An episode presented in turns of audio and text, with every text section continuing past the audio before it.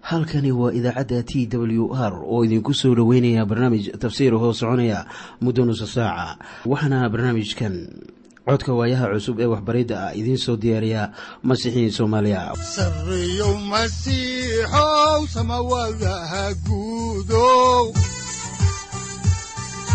Siraadkii adduunkow subanaha eebow sareyow masiixow samawadaha guudow siraadkii adduunkow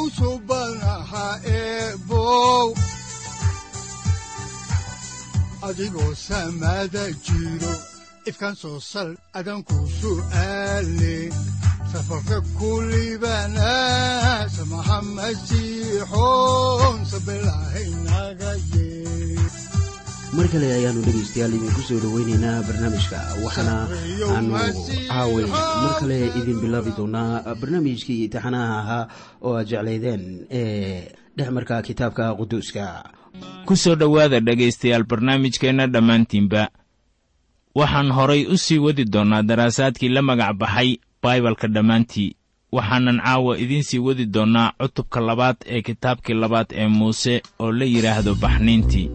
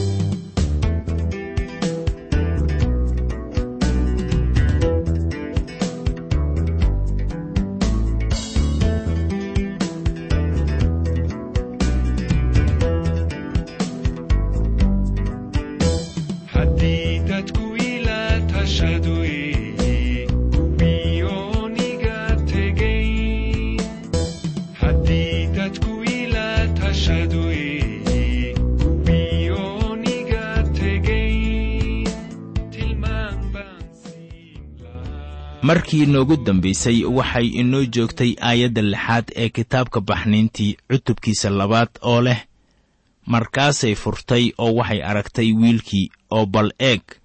Yarkii waa ooyey markaasay u naxariisatay oo waxay tidhi kanu waa carruurtii cibraaniyada midkood wakhtigiisa ayay ahayd wakhtiga habboon inuu ooyo sida xaqiiqada ah. Rabbigu waa taabtay nebi muuse oo waxay noqotay inuu ooyo ilaahna laba shay ayuu sameeyey taasoo uu kulmiyey. Waa qayladii wiilka iyo qalbiga naagta. Fircoon gabadhiisii ma ayan ka tegi karin wiilkan yar haddaan xigashada halkeedii ka sii wadno ayaa waxaa ku qoran kitaabka labaad ee muuse oo la yidhaahda baxniintii cutubka labaad aayadda toddobaad sida tan. Markaasaa walaashiis waxay gabadhii fircoon ku tidhi ma kuugu yeedhaa naagaha cibraaniyadaha ah middood inay kuu nuujiso ilmaha? Maryan oo ahayd muuse walaashiis ayaa halkan waxay la timid talo ay siinayso amiiraddii masar. Doonina mayso in walaalkeeda yari uu iloobo iyaga. Haddaba tanu waa qiso bini'aadan. Tan aan akhrinayno saaxib. Ilaah wax buu inoogu hayaa. Baal kasta ee kitaabkan ah innagoo halkii ka sii wadayna ayaa waxaa ku qoran baxniintii cutubka labaad aayadda siddeedaad sida tan. Gabadhii fircoonna waxay ku tidhi iyadii haa tag. Gabadhiina way tagtay oo waxay u yeedhay yarkii hooyadiis. Haddaba tani waxay beddeshay dhacdadii. Waxaanay muujinaysaa sidii ilaah xaqiiqo ahaan uu u shaqeeyo marka aynu samayno ficil muuqaal ah oo aannu rumaysad ku soconno. Isla hooyadii yarkaa ayaa loogu yeedhay inay nuujiso oo taana lacag lagu siiyo wax taa dhaama ma haysid saaxib. Waxaad ka samayn kartana ma leh. Marka ilaah uu ka dhex shaqaynayo niyadaheenna iyo nolosheenna. Haddaan halkii ka sii wadna xigashada kitaabka ayaa waxaa ku qoran. Kitaabka baxniintii cutubka labaad aayadaha sagaal ilaa toban sida tan. Markaasaa gabadhii fircoon waxay ku tidhi iyadii tag oo ilmahan qaad oo ii nuuji oo anna waxaan ku siin doonaa mushaaraddaada. Markaasay naagtii yarkii qaadday oo ay nuujisay. Yarkiina waa koray markaasay u keentay gabadhii fircoon oo wuxuu u noqday wiilkeedii oo waxay magaciisii u bixisay muuse oo waxay tidhi maxaa yeelay anaa biyaha ka soo bixiyey? Magaca muuse ayaa ka micno ah soo bixin gabadhii fircoonna sidaas bay ugu yeertay waayo iyadaa biyihii ka soo bixisay. Inkastoo jinsiyad ahaan fircoonkan wax addoonsada uu dhalay iyo inkastoo muran uu ka taagan yahay in uu dhalay ayaa haddana fircoon gabadhiisan ay ahayd tan ugu weyn ee ramsiiskii labaad amase waxaaba laga yaabaa inay ahayd walaashiis. Iminkana aynu eegno maaddada ah muuse oo isku dayey inuu caawiyo dadkiisa. Afartankii sano ee ugu horraysay noloshii muuse ayaa waxa uu joogay guriga fircoon. Waxaa loo soo koriyey oo loo tababaray sida masriyiinta. Wuxuu u ekaa masar wuxuuna u hadli jiray sida masriyiinta. Wuxuuna u ficiltami jiray sida masriyiinta. Markii uu tegay cidladii midyan sidaannu ku arki doonno kitaabka baxniintii ayaa loo aqoonsaday inuu masri yahay. Muuse waxaa lagu tababaray macbudkii weynaa ee qorraxda kaasoo ahaa jaamacad wanaagsan wakhtigaas. Sida badan aad baan u liidnaa wixii ay masaaridii hore garanayeen ama ay ku guulaysteen inay samaystaan xidigiska ayay balaayo ku qabeen oo waxay garanayeen fogaanshaha qorraxda. Waxay ka shaqayn jireen masaalada ah in dhulku uu wareegsan yahay balse uusan sinnayn. Waxay garanayeen oo kale waxyaabo badan oo ku saabsan maaddada kimistariga amase dawooyinka taasoo ay u marag furayso sida ay dadka dhinta korkooda u marin jireen daawooyin haatanna ma jiraan wax lala simi karayo waxyaabihii ay awoodeen inay sameeyaan berigaas. Howlahooda farshaxanka iyo awoodda ay wax ku qurxiyaan ayaa iyana ahayd wax la yaab leh. Rinjiyeyntooda ayaa ahayd wax aad loo arki karo oo ku wanaagsan sida aynu maanta wax u rinjiyeyno. Waxaanan ku kalsoonnahay in iskaashatooyinka wax rinjiyeeya ay bixin lahaayeen wax kasta haddii ay ogaan karaan. Foormalihii ay isticmaalayeen masaaridu markii ay wax rinjiyeynayaan. Rinjigaasu wuxuu ahaa mid nuuraya oo qurxoon oo la yaab leh. Waxaa waxyaabahaas oo dhan soo raaca howlihii kale ee ay ku guulaysteen masaaridu waxay kaloo lahaayeen maktab aad u baaxad weyn waxaana laynoo sheegay in muuse uu bartay xikmaddii masar oo dhan. Ha yeeshee tan ugu weyn ee muuse ka maqnayd waxay ahayd inaan la barin sidii ilaah loogu adeego.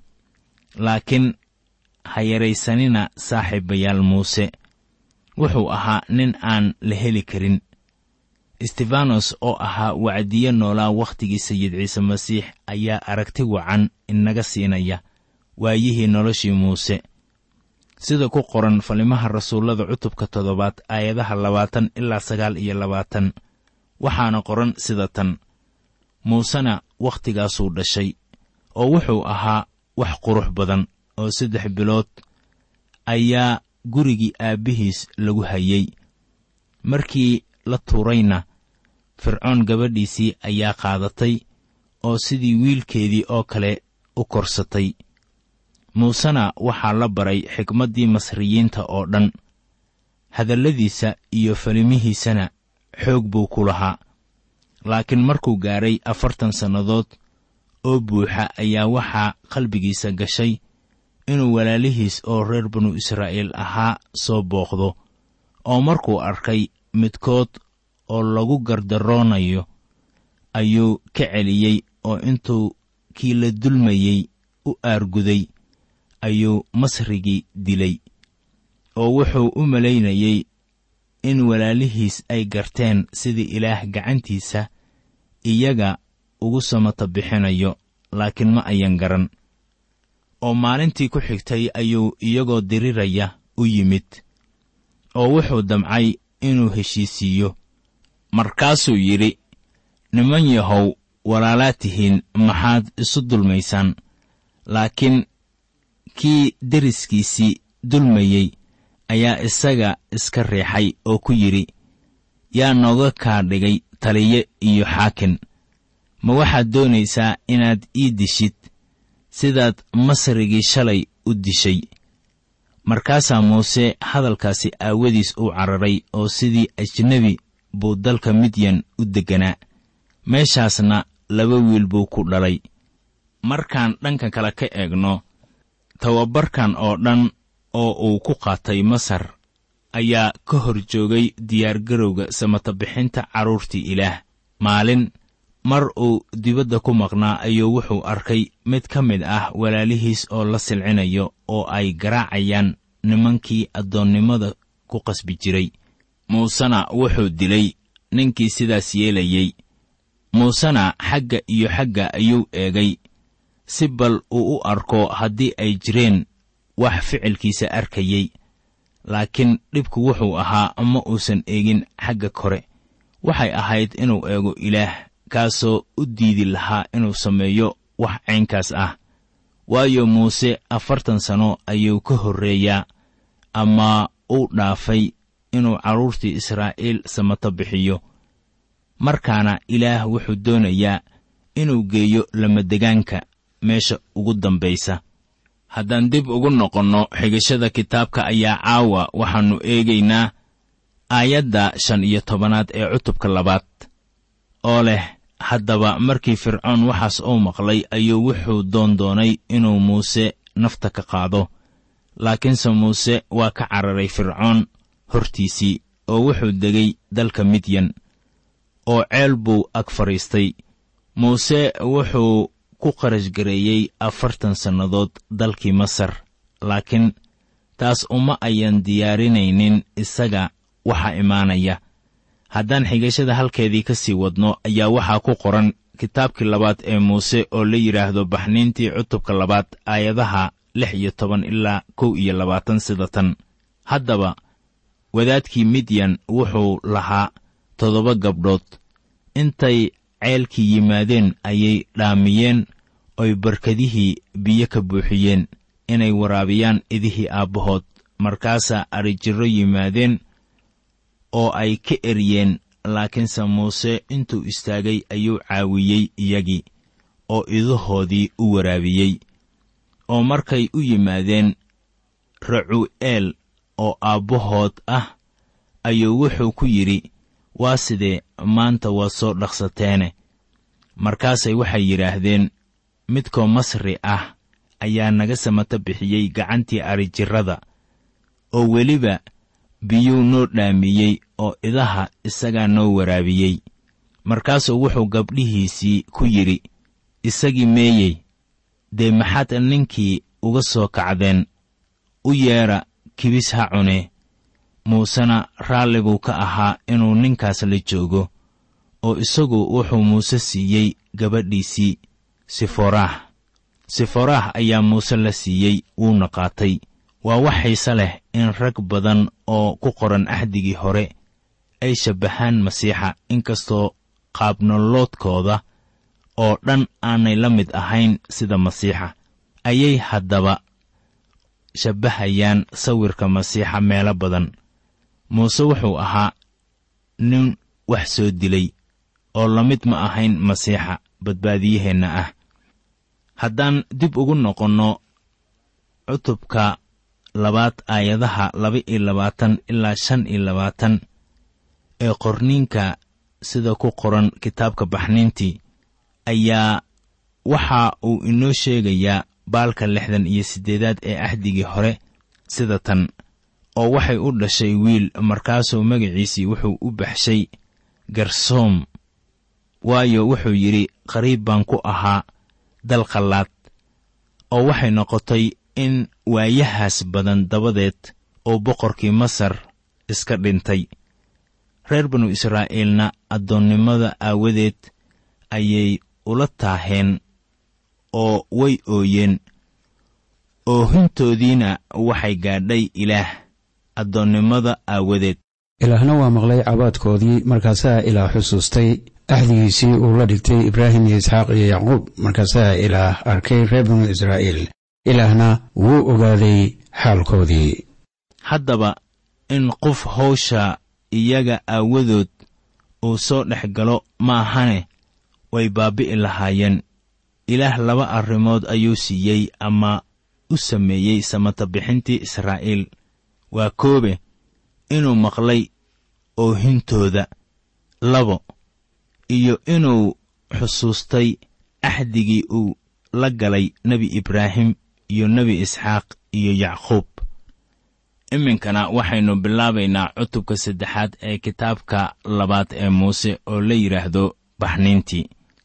Haatanna innagoo ku jirna geeddisocodkeennii ayaannu soo gaarnay cutubka saddexaad ee baxniintii mawduucyada cutubkani uu ka kooban yahay ayaa waxa ay kala yihiin kow. U yeedhistii nebi muuse. Labo duurkii gubanayey saddex muujinta ah waxaan ahay kaan ahay ama jehova afar ballankii samata bixinta rabbaaniga. Shan lugdambaydintii muuse ee uu ku aqbali lahaa baaqi ilaah lix hawshii loo xilsaaray nebi muuse. Araar afartankii sano ee muuse uu joogay cidladii reer midyan ayaa haatan soo dhammaanaya. Waxyaabihii uu ku bartay masar ayaan ku fillayn si muuse uu ugu diyaargaroobo hawsha weyn ee samata bixinta israa'iil laga soo samata bixinayo addoonsiga dalka masar. Ilaah baa u diyaariyey hawshan markii uu afartanka sano ku dhammaystay cidladii reer midyan. Haatanna aannu eegno maaddada ugu horraysa ee cutubka oo ah u yeedhistii nebi muuse. Haddaan halkii ka sii wadno ayaa waxaa ku qoran kitaabka baxniintii cutubka saddexaad aayadaha kow ilaa laba sida tan. Muuse wuxuu ilaalinayey adrhigii sodogiis yetro oo ahaa wadaadkii midyan oo wuxuu adrhigii u soo kaxeeyey meeshii cidlada ahayd shishadeeda. Markaasuu wuxuu yimid buurtii ilaah oo ahayd xoreeb markaasaa malaa'igtii rabbiga waxay ugu muuqatay dab ololaya oo ka baxaya geed dhexdiis. Kolkaasuu fiiriyey oo wuxuu arkay geedkii oo ololaya oo dabku gubayo geedkuna ma basayn muuse wuxuu u baxay inuu arko in geedku uu gubanayo laakiin ma uusan basaynin. Mid ka mid ah caddaymaha ugu weyn ee ku qoran qorniinka ayaa wuxuu yahay jiritaanka qaranka israa'iil. Haddaba goormo ayay ahayd markii kugu dambaysay ee aad aragto reer midyan miyaad aragtay calanka reer midyan miyaadse garanaysaa wax ku saabsan dawladda reer midyan laakiin isla sida duurkii gubanayay uusan u basaynin sidaa oo kale ayaa reer banu israa'iil ay u gubanayeen. Laakiin debkuna ma uusan cunaynin. Haddaan halkii ka sii wadno xigashada kitaabka baxniintii cutubka saddexaad aayadaha saddex ilaa shan ayaa waxaa ku qoran markaasaa muuse wuxuu yidhi anigu waan ku leexan doonaa waanan arki doonaa muuqashadan weyn. Iyo waxa geedku uu u guban waayey oo markuu rabbigu arkay inuu ku soo leexday inuu arko ayaa ilaah uu ugu yeedhay geedka dhexdiisii oo wuxuu ku yidhi muusow muusow. Markaasuu yidhi waa ikan. Markaasuu wuxuu ku yidhi halkan ha u soo dhowaan. Kabahana iska siib waayo meesha aad taagan tahay waa dhul quduus ah. Ilaah waa inuu hagaajiyaa dabeecadaha nebi muuse. In kastoo lagu soo koriyey guriga fircoon ma uusan garanaynin inuu kabihiisa iska siibo. Marka uu joogo amaba hor joogo ilaah waxaanan ka cabsi qabaa inay dad badan ilaah xaaladihiisa wax ka garanayaan.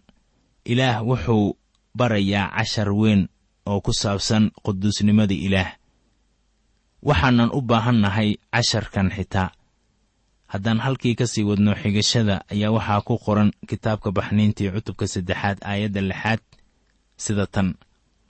Oo weliba wuxuu kaloo ku yidhi anigu waxaan ahay ilaahii aabbaha oo ah ilaahii ibraahim iyo ilaahii isxaaq iyo ilaahii yacquub. Markaasaa muuse wejigiisii qariyey waayo wuxuu ka cabsaday inuu ilaah eego. Muuse ilaah kor uma eegin laakiin haddii uu sidaa samayn lahaa wuxuu eegi lahaa muuqaalkii ilaah oo ah sayid ciise masiix oo u muuqda qaab bini'aadan. Waxaa kaloo la odhan karaa sida yooxanaa uu ku qoray injiilkiisa markuu lahaa sida ku qoran yooxana cutubka koowaad aayadda siddeed iyo tobanaad. Ninna ma arkin ilaah marnaba. Wiilka keliya ee laabta aabbaha ku jira kaasaa inoo sheegay. Habka keliya ee aad ku ogaan karto ilaah waa adigoo soo maraya sayid ciise masiix. Haddaan halkii ka sii wadno kitaabka ayaa waxaa ku qoran cutubka saddexaad aayadaha toddoba ilaa siddeed sida tan rabbiguna wuxuu ku yidhi hubaal waxaan arkay dhibaatada dadkayga ku haysata masar oo waan maqlay oohintii ay ooyeen kuwa hawsha ku qaxraya aawadood. Waayo anigu waxaan ogahay caloolxumidooda oo waxaan u imid inaan ka samato bixiyo gacanta masriyiinta iyo inaan ka samato bixiyo dhulkaas oo aan keeno dhul wanaagsan oo ballaaran oo ah dal caane iyo malab la barwaaqaysan waana meesha ay deggan yihiin reer kancaan iyo reer xeed iyo reer amor iyo reer feris iyo reer xiwi iyo reer yabuus. Ilaah wuxuu yidhi waxaan reer banu israa'iil ka bixinayaa addoonsiga waxaanan geynayaa dhul wanaagsan. Taasina waa badbaadadii ilaah. Haddaan halkii ka sii wadno xigashada ayaa waxaa ku qoran aayadaha sagaal ilaa kow iyo toban ee cutubka saddexaad waa kitaabka baxniintiye sida tan. Oo haatan bal eeg waxaa i hor timid oohintii reer banu israa'iil. Oo weliba waxaan arkay cadaadinta ay masriyiintu ku cadaadinayaan iyaga. Haddaba kaalay oo waxaan kuu dirayaa fircoon inaad dalka masar ka soo kaxaysid dadkayga reer banu israa'iil ah markaasaa muuse wuxuu ilaah ku yidhi bal yaan ahay anigu markaan fircoon u tegayo oo aan reer banu israa'iil ka soo bixinayo dalka masar. Miyaad garanaysaa wixii muuse ku dhacay? Afartan sannadood kadib wakhtigaas ayuu diyaar u ahaa inuu israa'iil bixiyo. Wuxuu ahaa buu leeyahay qoraaga buuggani waa magiye. Nin camal kulul oo qab weyn. Wuxuu dilay nin masri ah wuxuuna samato bixiyey. Mid ka mid ah walaalihiis oo la silcinayo. Waayo waxay la ahayd in ficilkiisa la ogaan doono. Waxay la ahayd inuu israa'iil samato bixin karo. Wuxuuse ogaaday inaannu samato bixin karin. Ilaahna wuxuu keenay muuse halka ugu dambayso ee lamadegaanka ah. Si markaa halkaas loogu siiyo tababar khaas ahaaneed taasoo siinaysa inuu jegadaasi buuxiyo. Wuxuu bartay sida uu xaqiiqa ahaan uu u itaal darnaa wuxuuna ogaaday sida uu u tabar darnaa. Wuxuu bartay inaannu isaga keliya bixin karin reer banu israa'iil. Haatan muuse wuxuu ku leeyahay ilaah anigu yaan ahay ma samayn karo waxa aad i weyddiisanayso inaan sameeyo. Saaxib ilaah baa isticmaali kara. Tanina waa habka ilaah oo u tababaro dadkiisa. Ilaah waa inuu qaado wiilkii daa'uud ahaa kaasoo soo dilay ninkii weynaa ee la odhan jiray goliyaath dabeetana isagii wuxuu bilaabay inuu ku dhunto bohollaha sida shimbir baa loo ugaarsan jiray wuxuuna ogaaday sida uu u tabar darnaa. Dabeetana ilaah boqor buu ka dhigay. Elyaas oo ahaa nebi ayaa aad geesi u ahaa si uu ugu yeedho aaxaab iyo isabel markaasoo elyaas uu ku yidhi dhulka laguma arki doono roob iyo ceryaamo sannadadan sida hadallada rabbigu ay leeyihiin elyaas geesi uma ahayn sida uu haatan yahay. Ilaah lamadegaanka ayuu geeyey halkaasoo lagu soo tababarayey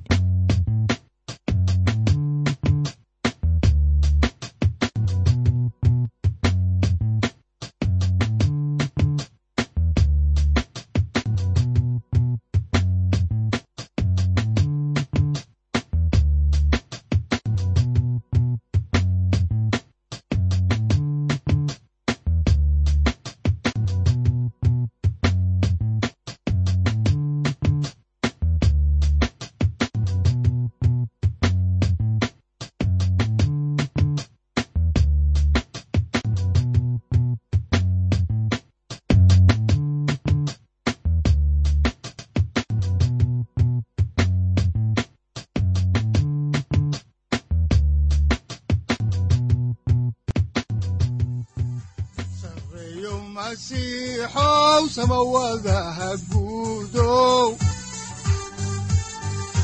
siraadkii adduunkow subanaha eebow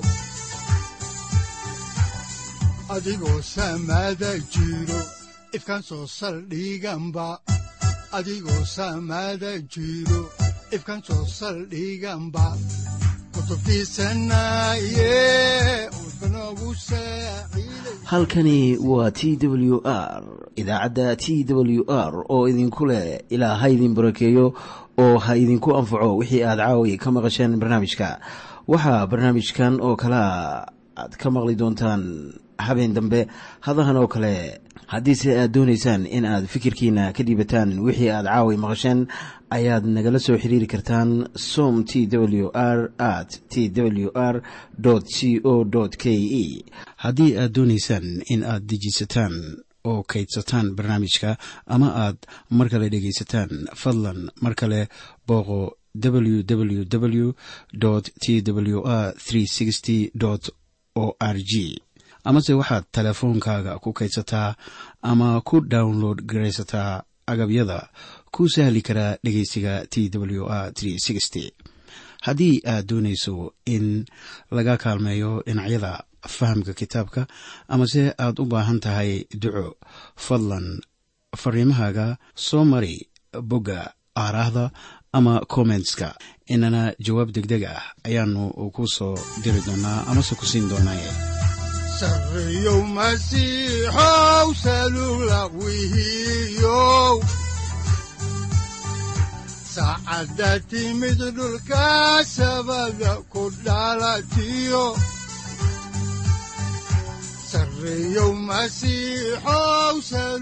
halkani waa t w r oo idiin rajaynaya habeen baraare iyo barwaaqaba leh inta aynu ka gaari doono wakhti aynu ku kulanno barnaamij la mida kan caawayay aad maqasheen. Waxa aan idinku leeyahay nabadda ciise masiix ha idinku badato xagga jidhka iyo ruuxaba. Aamiin